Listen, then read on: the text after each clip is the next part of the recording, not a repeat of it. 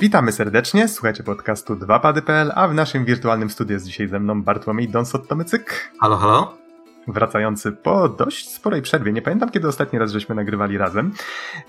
A ja nazywam się Adam Naksa 15 Dębski. Nagrywamy w niedzielę 27 września 2020 i to będzie retro recenzja gry ICO. Przygotowana właśnie przez Dona, ja ostatni raz grałem w grę bardzo, bardzo dawno temu, ale za chwilę do tego przejdziemy. Jeszcze chciałbym przed tym przypomnieć, że zachęcamy do tego, żeby odwiedzać naszą stronę 2pady.pl. Dzielcie się z nami feedbackiem, czy to na Facebooku, na Twitterze, czy pod filmikami, które zamieszczamy na YouTubie bo przypomnę, że nasze odcinki również trafiają na YouTube w tym samym czasie, co na wszystkie apki podcastowe oparte na RSS-ie, czy na Spotify, czy na Apple Podcasts. Również możecie wspierać finansowo montaż kolejnych odcinków na Patronite i dziękujemy wszystkim, którzy już to robią. I to powiedziawszy, zapraszamy Was właśnie na tą wspomnianą recenzję ICO. I może zaczniemy, jeszcze nim przekażę głos Tobie, Don, od takich drobnych encyklopedycznych czy wikipedycznych informacji. I tutaj widzę, że gra wyszła pierwotnie w 2001 roku i to było w Stanach i w Japonii. Natomiast w Europie ukazała się w 2002 i tutaj jeszcze widzę, że wyszła później w edycji. A, i pierwotnie to było na PlayStation 2.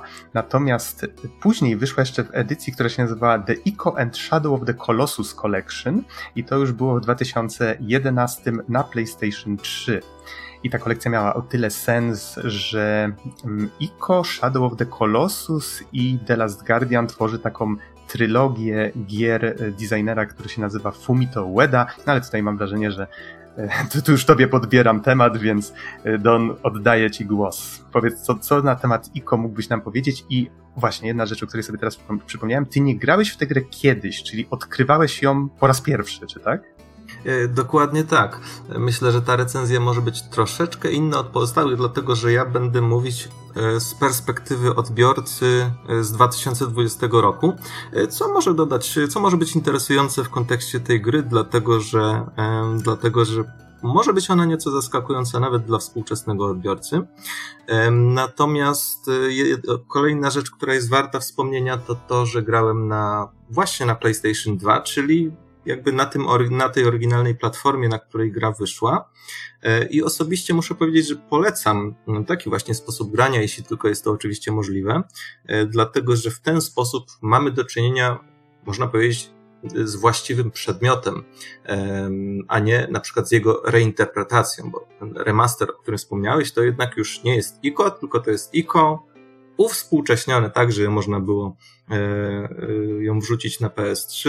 Chyba tam były troszeczkę większe rozdzielczość tekstur, na pewno e, większa rozdzielczość wyświetlania, inne tego typu rzeczy, więc osobiście właśnie postanowiłem zostać przy, przy jak najbardziej oryginalnej platformie, żeby żeby zbliżyć swoje doświadczenie do właśnie do tego oryginalnego, które mogłoby nastąpić w 2001 roku. E, Póki jeszcze pady do PS2 się nie rozsypały ze starości. E, tak, myślę, że mój się nie rozsypał, chociaż mam, chociaż mam PlayStation 2 z drugiej ręki. No ale wiadomo, Wiadomo, e, remastery i inne, e, inne przekładanie gier na inne platformy same w sobie są też bardzo interesujące, więc myślę, że nimi też można się zainteresować. Ale mając to już, e, że tak powiem, za sobą, najprościej rzecz ujmując, ICO jest przygotową grą akcji. No ale że prawie każda gra nawet współcześnie taka jest, to warto jednocześnie dodać, że jest to po prostu gra platformowa 3D, E, w której bardzo dużą rolę odgrywają zagadki oparte na środowisku i występują też elementy walki. Natomiast, no i tu jest rzecz problematyczna, dlatego że w recenzji nie powinniśmy się skupiać na okładce, tylko tym, co jest w środku.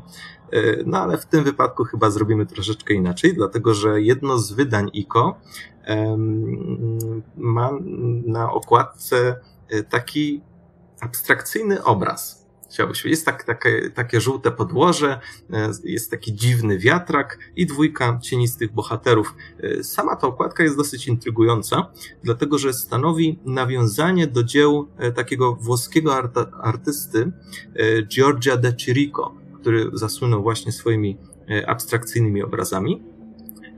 I ta okładka konkretna, tak okładka ICO, nawiązuje do, jak najbardziej, jakby w największym stopniu nawiązuje do jego obrazu nostalgia za nieskończonością.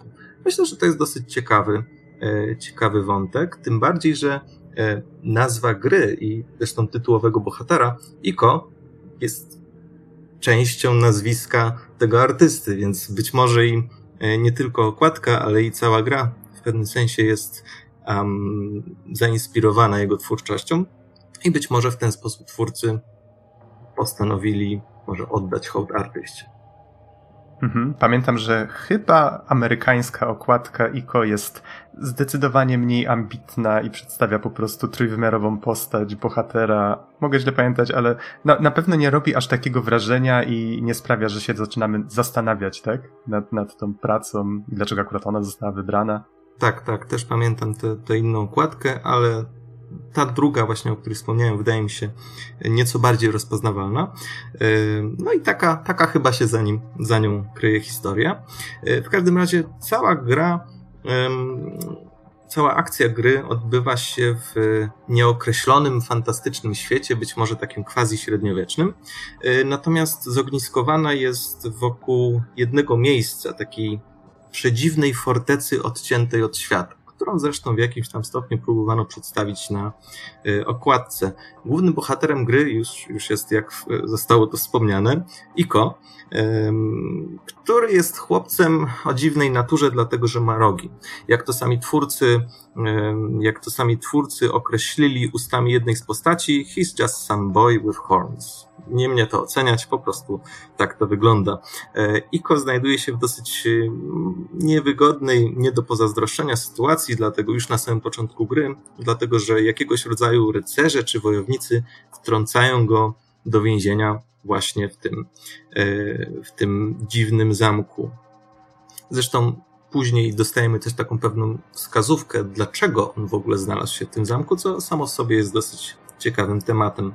Oczywiście trudno byłoby uznać grę za atrakcyjną, gdybyśmy spędzili ją całą w zamknięciu i w więzieniu, e, więc szybko okazuje się, że głównym celem jest właśnie ucieczka z fortecy. E, I Iko um, spotyka inną postać, która również jest więziona, e, a tą postacią jest eteryczna Jorda. Chyba tak to można ująć. Dziewczyna, która, mm, która właśnie jest taką postacią eteryczną, jakby przynależy do zupełnie innego porządku i z Iko dzieli ją chyba wszystko, co zresztą jest całkiem dobrze podkreślone przez fakt, że wszystkie jej wypowiedzi, oprócz tego, że są nagrane jakby w niezrozumiałym dla nas języku, e, ale są też przedstawione za pomocą napisów w formie hieroglifów też również niezrozumiałych. E, więc Chociaż bohaterowie przynależą, przynależą do, do, zupełnie innych porządków, bardzo szybko okazuje się, że muszą współpracować, by uciec e, z zamku. Mhm. Tutaj pamiętam, że ten motyw właśnie z tym niezrozumiałym dialogiem jest bardzo, bardzo fajny i choć grałem w grę tyle lat temu, to pamiętam, że bardzo mi się podobał. Nie jestem pewien, zapomniałem tego sprawdzić, ale mam wrażenie, że gdy gra się w grę ponownie na tym samym save'ie... Zostawmy to, zostawmy to, zostawmy. A, okej, okay, dobrze, myślę, dobrze. Że myślę, że to byłby jednak dosyć spory spoiler.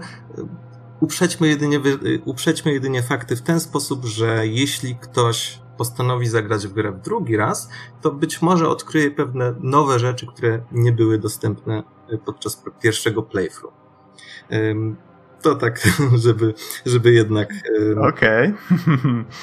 rozumiem. Pozostawiłeś trochę wyobraźni. Spoko, rozumiem.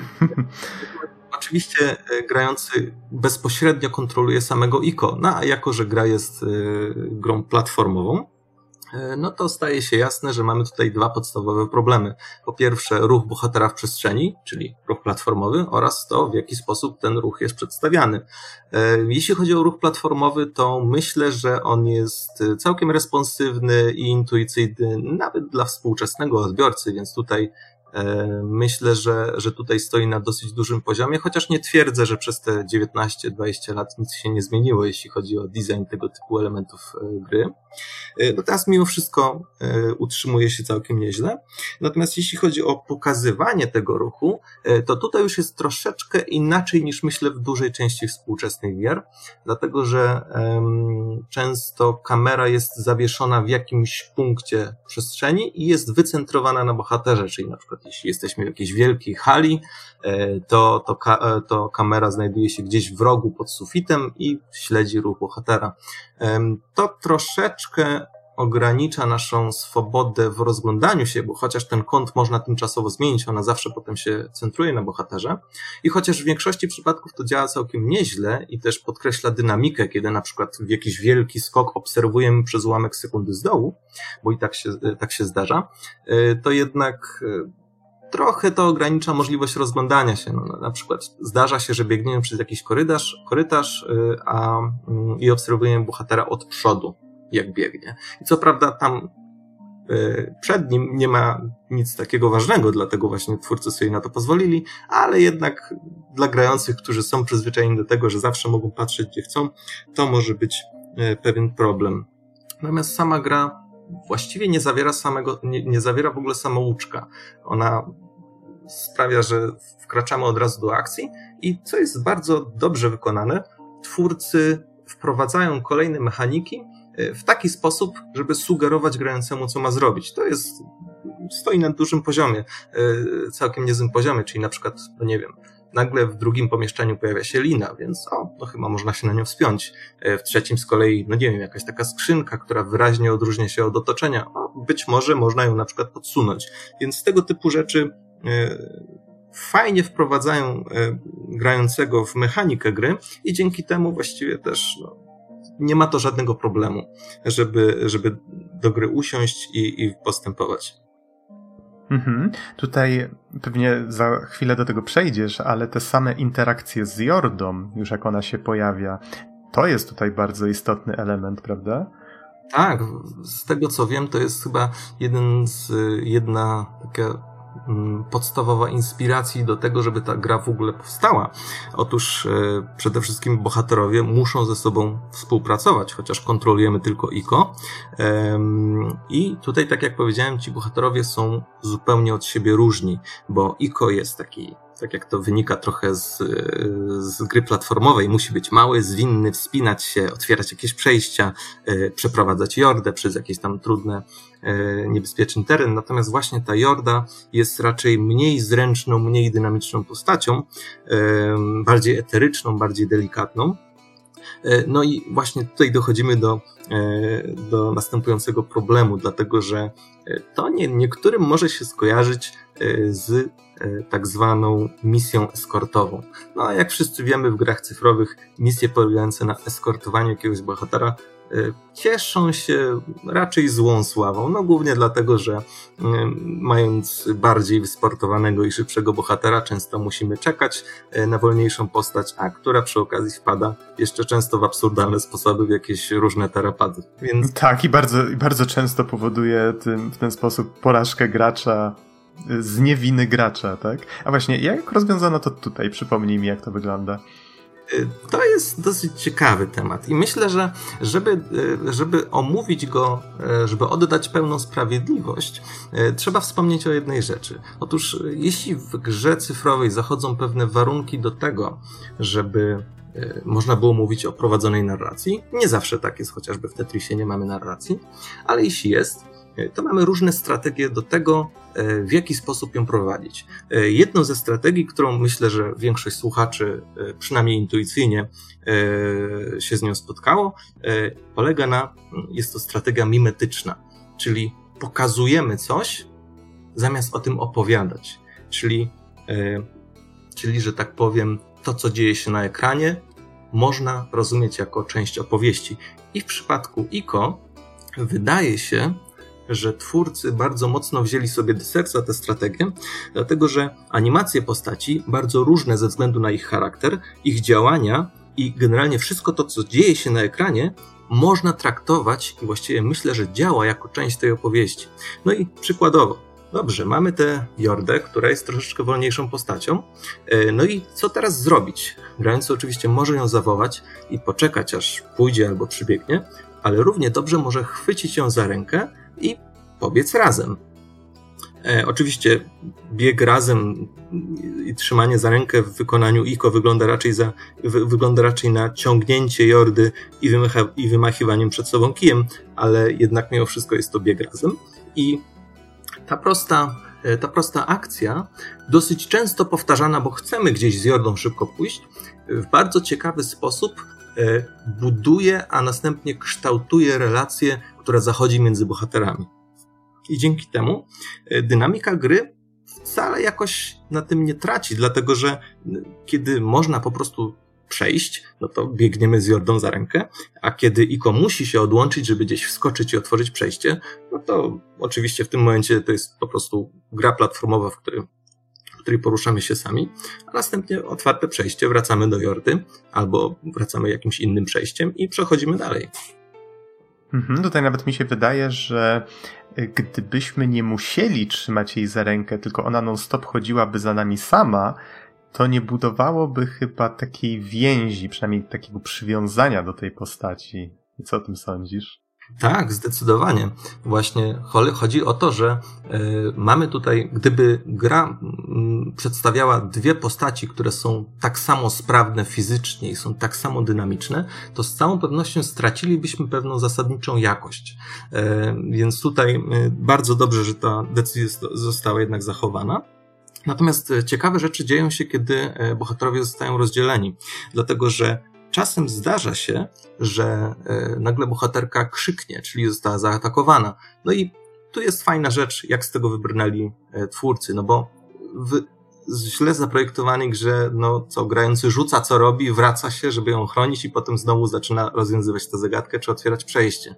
Natomiast w ICO to jest po prostu taki quasi limit czasowy. To znaczy, słyszymy, że została zaatakowana, więc musimy tym szybciej zrobić to, co, tą, czym się zajmowaliśmy, otworzyć to przejście i wrócić do bohaterki, żeby ją obronić. I sekwencja walki, bo do tego właśnie przechodzę, jest również dosyć ciekawym sposobem na to, żeby pokazać te relacje i zależności, tę dynamikę między bohaterami, dlatego że e, właśnie w zamku są takie cieniste stwory, czy to pająki, czy to jakieś E, czy to jakieś e, gobliny lub inne, inne cieniste stworzenia, które próbują Jordę porwać i gdzieś tam e, zabrać w otchłań.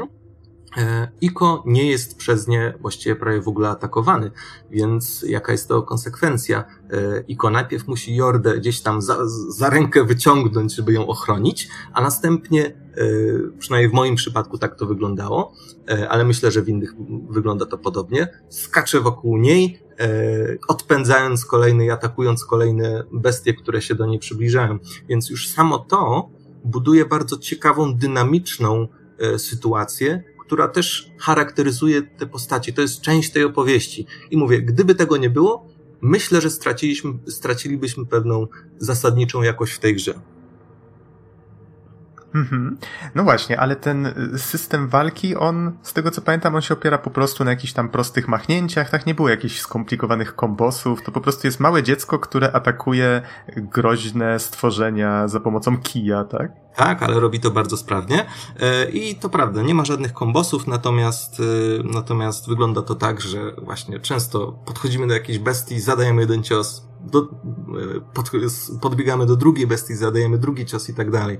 To jest zresztą bardzo fajne, dlatego że to nawet dużo mówi o tych samych bestiach, bo po pierwsze one unikają walki z Iko, a po drugie próbują zakraść się do Jordy, gdzieś tam podejść od boku i ją porwać, czyli y, z jednej strony są y, jakby, no widać, że są złe, także one targetują, ich celem jest bezbronna istota, a z drugiej strony są też tchórzliwe, bo wcale nie chcą, wcale nie chcą walczyć z Iko, e, tylko po prostu wykonać robotę i uciec. Ale to już jest jakby moja spekulacja, więc nie jest to, że tak powiem, e, nie trzyma się to mm, twardo mm, z materiałem źródłowym. Natomiast co jest jeszcze warte wspomnienia o interakcji między bohaterami, to to, że Jorda często wiele rzeczy może zrobić sama, czyli na przykład wspiąć się gdzieś albo nawet przeskoczyć, ale w niektórych przypadkach potrzebuje pomocy bohatera i wtedy możemy na przykład gdzieś stanąć przy, po drugiej stronie przepaści przepaści i właśnie poprzez aktywację jakiegoś, jakimś konkretnym przyciskiem bohater na przykład nachyla się i wyciąga rękę.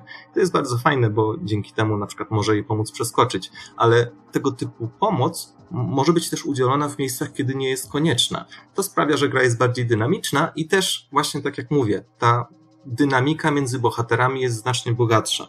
E, I no właśnie, wracając do tej misji eskortowej. Czy gra jest dynamiczna? Czy jednak, e, czy jednak tracimy dużo? Czy gra się zatrzymuje, kiedy musimy zaczekać na Jordę? Myślę, że prawie nigdy.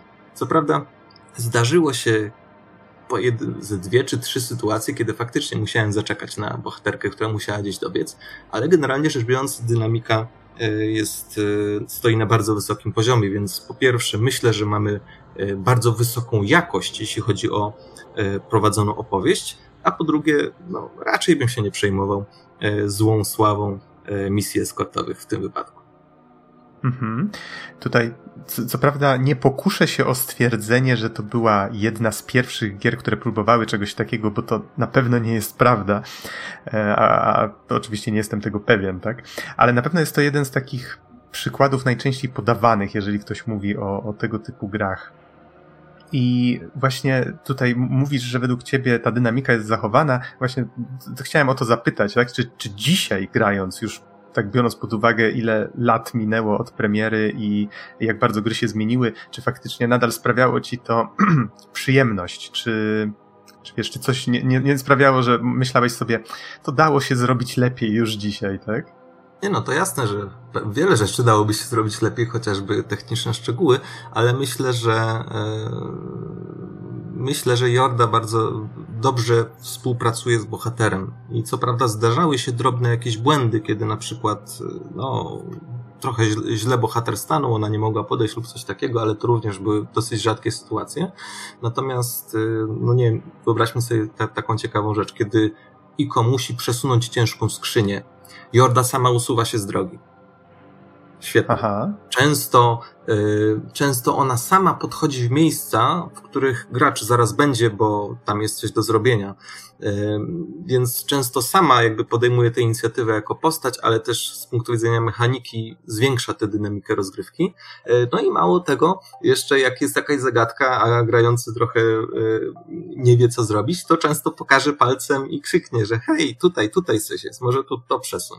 Więc, znaczy nie wiem, nie wiem, czy dokładnie to ona mówi, ale podejrzewam, że mniej więcej. Więc myślę, że to bardzo ładnie wszystko wychodzi. E, także to trzymanie się za ręce, które jest generowane dynamicznie, też wychodzi bardzo ładnie. E, także myślę, że, że nawet pomimo swojego wieku trzyma się naprawdę bardzo dobrze. E, tak jak wspomniałem wcześniej, akcja się dzieje w tej wielkiej fortecy. To jest oczywiście takie duże, dziwne zamczysko. I bardzo pozytywnie zaskoczyło mnie, w jaki sposób w tej grze jest e, zaprojektowana przestrzeń. E, to znaczy, zamczysko jest całkiem spore, ale bardzo często zdarza się, że wracamy już do miejsc, które wcześniej odwiedzaliśmy, czyli na przykład jakieś takie wielki, e, wielkie podwórze z wieloma piętrami, no i najpierw na przykład jesteśmy na samym dole, potem na jakichś tarasach, jeszcze wyżej na balkonach, aż wreszcie na prawie tam na samym szczycie e, i obserwujemy praktycznie wszystko od dołu, więc y, często wracamy się do tych odwiedzanych już miejsc, ale widzimy je w troszeczkę innym kontekście, czyli na przykład jesteśmy piętro wyżej, albo widzimy coś nowego, jakiś nowy aspekt tego miejsca. Poza tym bardzo duża jest konsekwencja twórców e, w kreacji tej przestrzeni. To znaczy, często jak gdzieś jakąś drogą zajdziemy w nowe miejsce, to potem e, całkiem zaskakująco możemy się dowiedzieć, w jaki sposób to nowe miejsce łączy się, powiedzmy, z jakimś takim centralnym punktem, w którym wcześniej przebywaliśmy. E, ponadto to już jest klasyk w grach cyfrowych. Często, znaczy zdarza się, że widzimy na horyzoncie jakiś budynek, jakąś konstrukcję, do której po prostu dotrzemy za jakiś czas dopiero. Ale co jeszcze ciekawsze, zdarza się, że e, gdzieś pójdziemy na jakiś, e, tam gdzie zaprowadzi nas poziom, e, i w oddali zobaczymy daleko wysunięte miejsce, w którym już byliśmy, tylko z troszeczkę innej strony. I oczywiście to może brzmieć troszeczkę za wiele, ale warto podkreślić to, że w gruncie rzeczy gra jest liniowa i po prostu to tylko tak zostało zaprojektowane, że ta linia, którą musimy podążać, ona, że tak powiem, robi te pętelki wokół tej fortecy e, i w ten sposób ją, że tak powiem, zwiedzamy. Mhm, tutaj właśnie czekałem na jakiś moment, w którym mógłbym się wciąć, bo jako redakcyjny specjalista od Metroidvanii chciałem podkreślić, że tak, że to jest faktycznie tylko taka rynna, którą się poruszamy, ale to budowanie przestrzeni, e, o którym wspomniałeś, też je bardzo miło wspominam, właśnie to, że sobie budujemy w głowie ca ca całą konstrukcję tej fortecy i że ona w pewnym momencie sama staje się takim trochę bohaterem tej historii.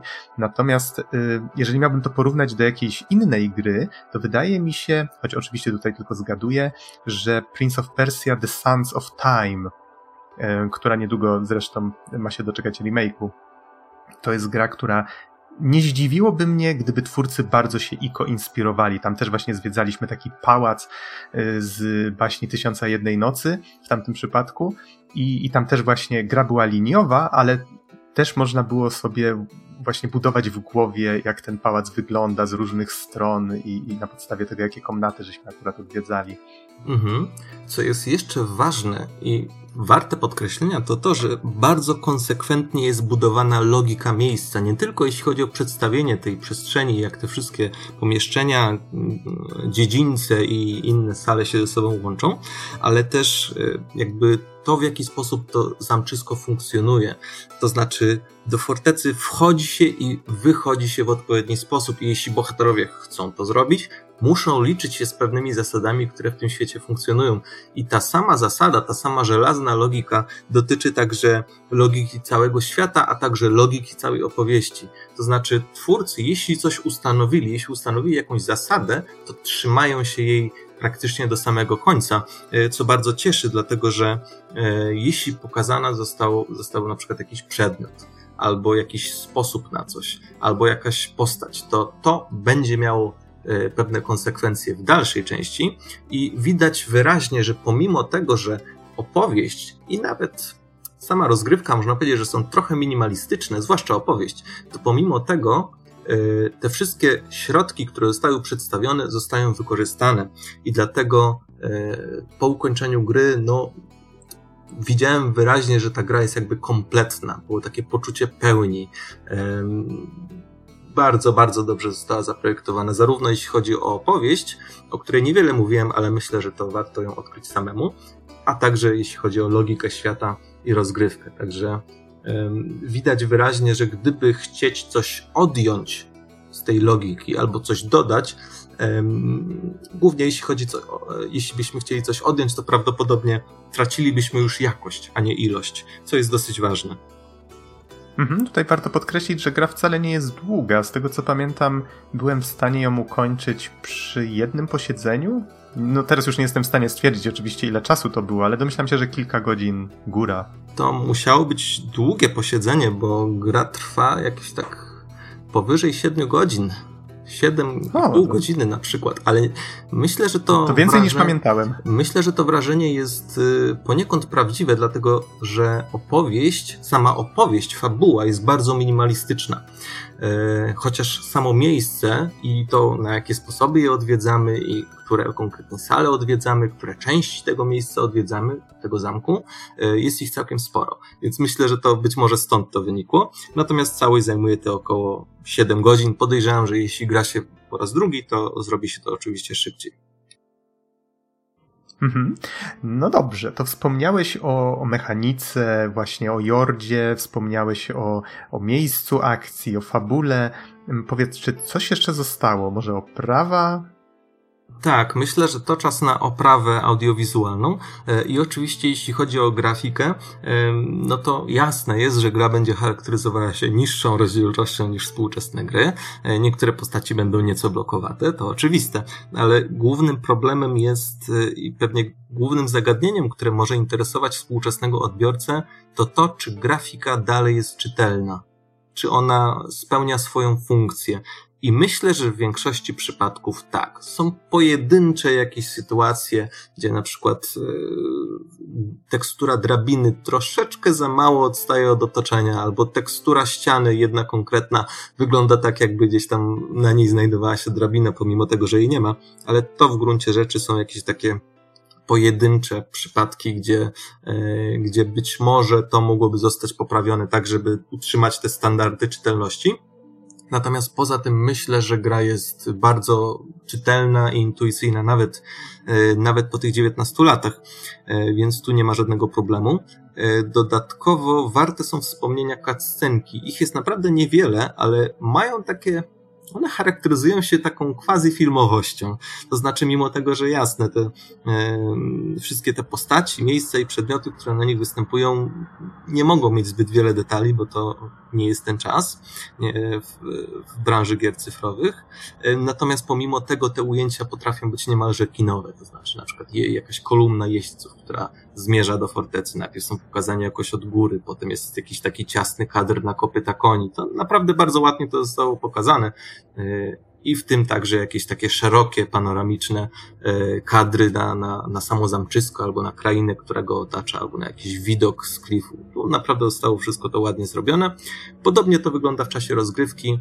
E, czasem mamy takie właśnie dosyć ciasne miejsca, a innym razem bohater wychodzi na balkon i widzi właśnie taki widok, który się rozpościera z balkonu, chyba że kamera patrzy na ten balkon z przodu balkonu. No to wtedy jest trochę problem, e, żeby dojrzeć, co tam się dzieje, ale jednak mimo wszystko, mm, wszystko to ładnie wygląda. Dodatkowo warto podkreślić, że jako, że twórcy e, w pewnym sensie kontrolują tę kamerę, to mogli zaimplementować takie troszeczkę sztuczki. To znaczy, jeśli e, kamera będzie mniej więcej patrzeć na wodospad, no to można w tym danym ujęciu dodać efekt rozszczepiającego się światła, który oczywiście nie jest generowany w czasie rzeczywistym. Innym, innym razem, kiedy na przykład e, widzimy e, widzimy e, jakieś okno w wielkiej sali i mniej więcej pod tym samym kątem mamy takie e, promienie słońca, które wpadają do tej sali. Więc to są naprawdę bardzo ładne, bardzo ładne zabiegi. E, natomiast Tutaj może jeszcze, jeszcze na sekundkę się e, wetnę, bo jak wspominałeś o tej filmowości, o cutscenkach, oglądam sobie tutaj gameplay na drugim ekranie i widzę, że postacie miały um, mimikę twarzy, miały wymodelowane właśnie usta, oczy. To co prawda to, to był raczej standard, z tego co pamiętam, w erze PS2, a może chociaż w tych najbardziej e, wysokobudżetowych produkcjach. No ale warto nadmienić, że to już tam wtedy było, tak? Mhm. No, chociaż oczywiście, że już dzisiaj to nie może zachwycać. E, natomiast e, kiedy tak spoglądałem na te, na te wszystkie ujęcia, czy to w cutscenkach, czy to w czasie gry, to widać wyraźnie, że to, to kiedy gra wychodziła, to musiało być coś wielkiego. I nawet teraz widać pewną zręczność w tym, jak to zostało wykonane, więc ja bym powiedział, że nawet, nawet dzisiaj to może zachwycać. W każdym razie, jeśli chodzi o udźwiękowienie, e, to przede wszystkim mm, mamy tutaj pewny minimalizm, dlatego że głównie w trakcie rozgrywki słyszymy krzyk mew, jakieś ćwierkanie ptaków, szum morza i to w sumie większość dźwięków, które słyszymy, to buduje taki naprawdę bardzo e, taki przyjemny nastrój. To znaczy, to jest taki nastrój kładący nacisk może na, na odosobnienie na, e, na, na to, że powiedzmy to miejsce, w którym jesteśmy, jest zupełnie odludne, tam nikogo nie ma, e, jest jakby zapomniane może wręcz i jest całkowicie odcięte od świata od zewnętrznego. To jest, robi naprawdę dobre wrażenie. Natomiast jeśli chodzi o utwory muzyczne, jest ich w grze bardzo mało, ale myślę, że tam, gdzie się pojawiają, twórcy postarali się wykorzystać cały ich potencjał, jeśli chodzi o budowanie nastroju, więc kiedy muzyka potrafi wkroczyć do gry, e, no to naprawdę bardzo, bardzo wzbogaca wyraz tego, co dzieje się na ekranie.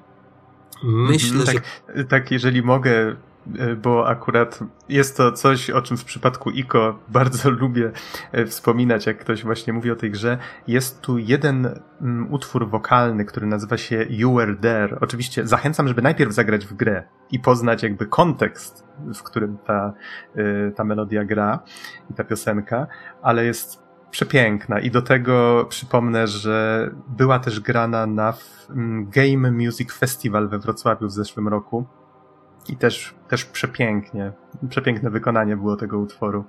Y, I z tego co widzę, y, tak jeszcze na sekundkę ci zabiorę głos, że soundtrack do Iko nazywa się bodajże Melody of the Mist, w sensie melodia, melodia mgieł jakby ktoś chciał poszukać w sieci. Mhm. Dokładnie. Natomiast myślę, że jest jeszcze jedna w sumie rzecz, o której chciałem wspomnieć na, na zakończenie, tak trochę. Pierwsza rzecz to na PlayStation 2 gra nie zapisuje się automatycznie, w związku z tym trzeba to robić w konkretnych punktach. Te punkty to są kamienne kanapy, które są rozmieszczone w zamku.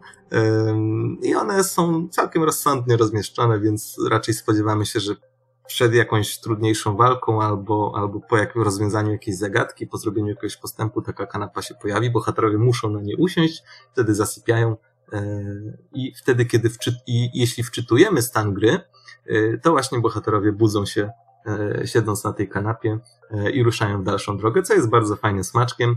E, my z Noxem przed recenzją trochę żeśmy dyskutowali o tym, jak to jest i czym w ogóle jest ten przedmiot, bo kanapa brzmi trochę, że tak powiem, egzotycznie, chociaż wygląda tak jak kanapa i jest nawet opisywana jako coach.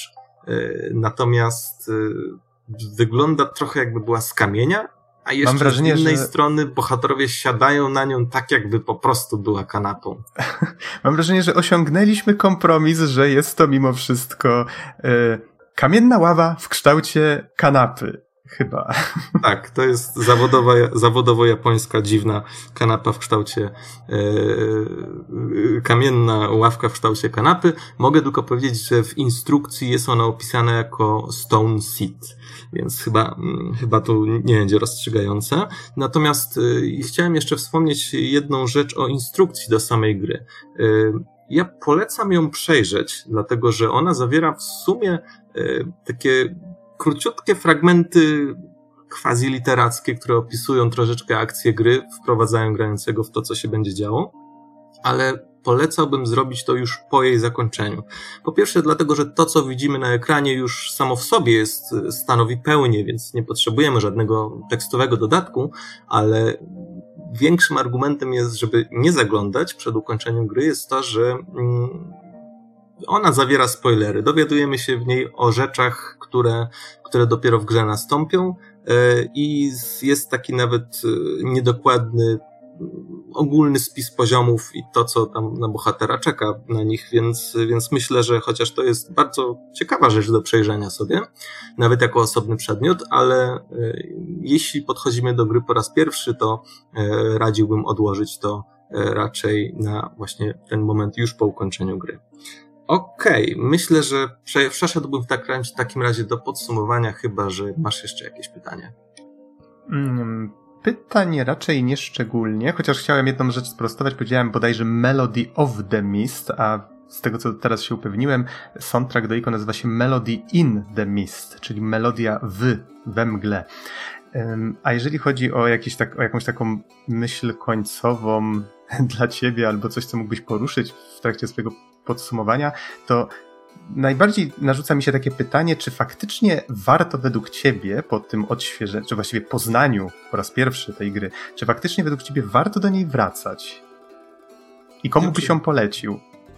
Myślę, że cały ten problem rozwiążą, rozwiążą trzy wyrazy. Myślę, że IKO jest takim małym dziełem sztuki e, i to chyba rozwiązuje wątpliwości. E, z całą pewnością jest nafaszerowane bardzo pomysłowymi rozwiązaniami. Widać, że ta gra została zaprojektowana i wdrożona z taką bardzo żelazną logiką i pewną myślą przewodnią, której twórcy się trzymali.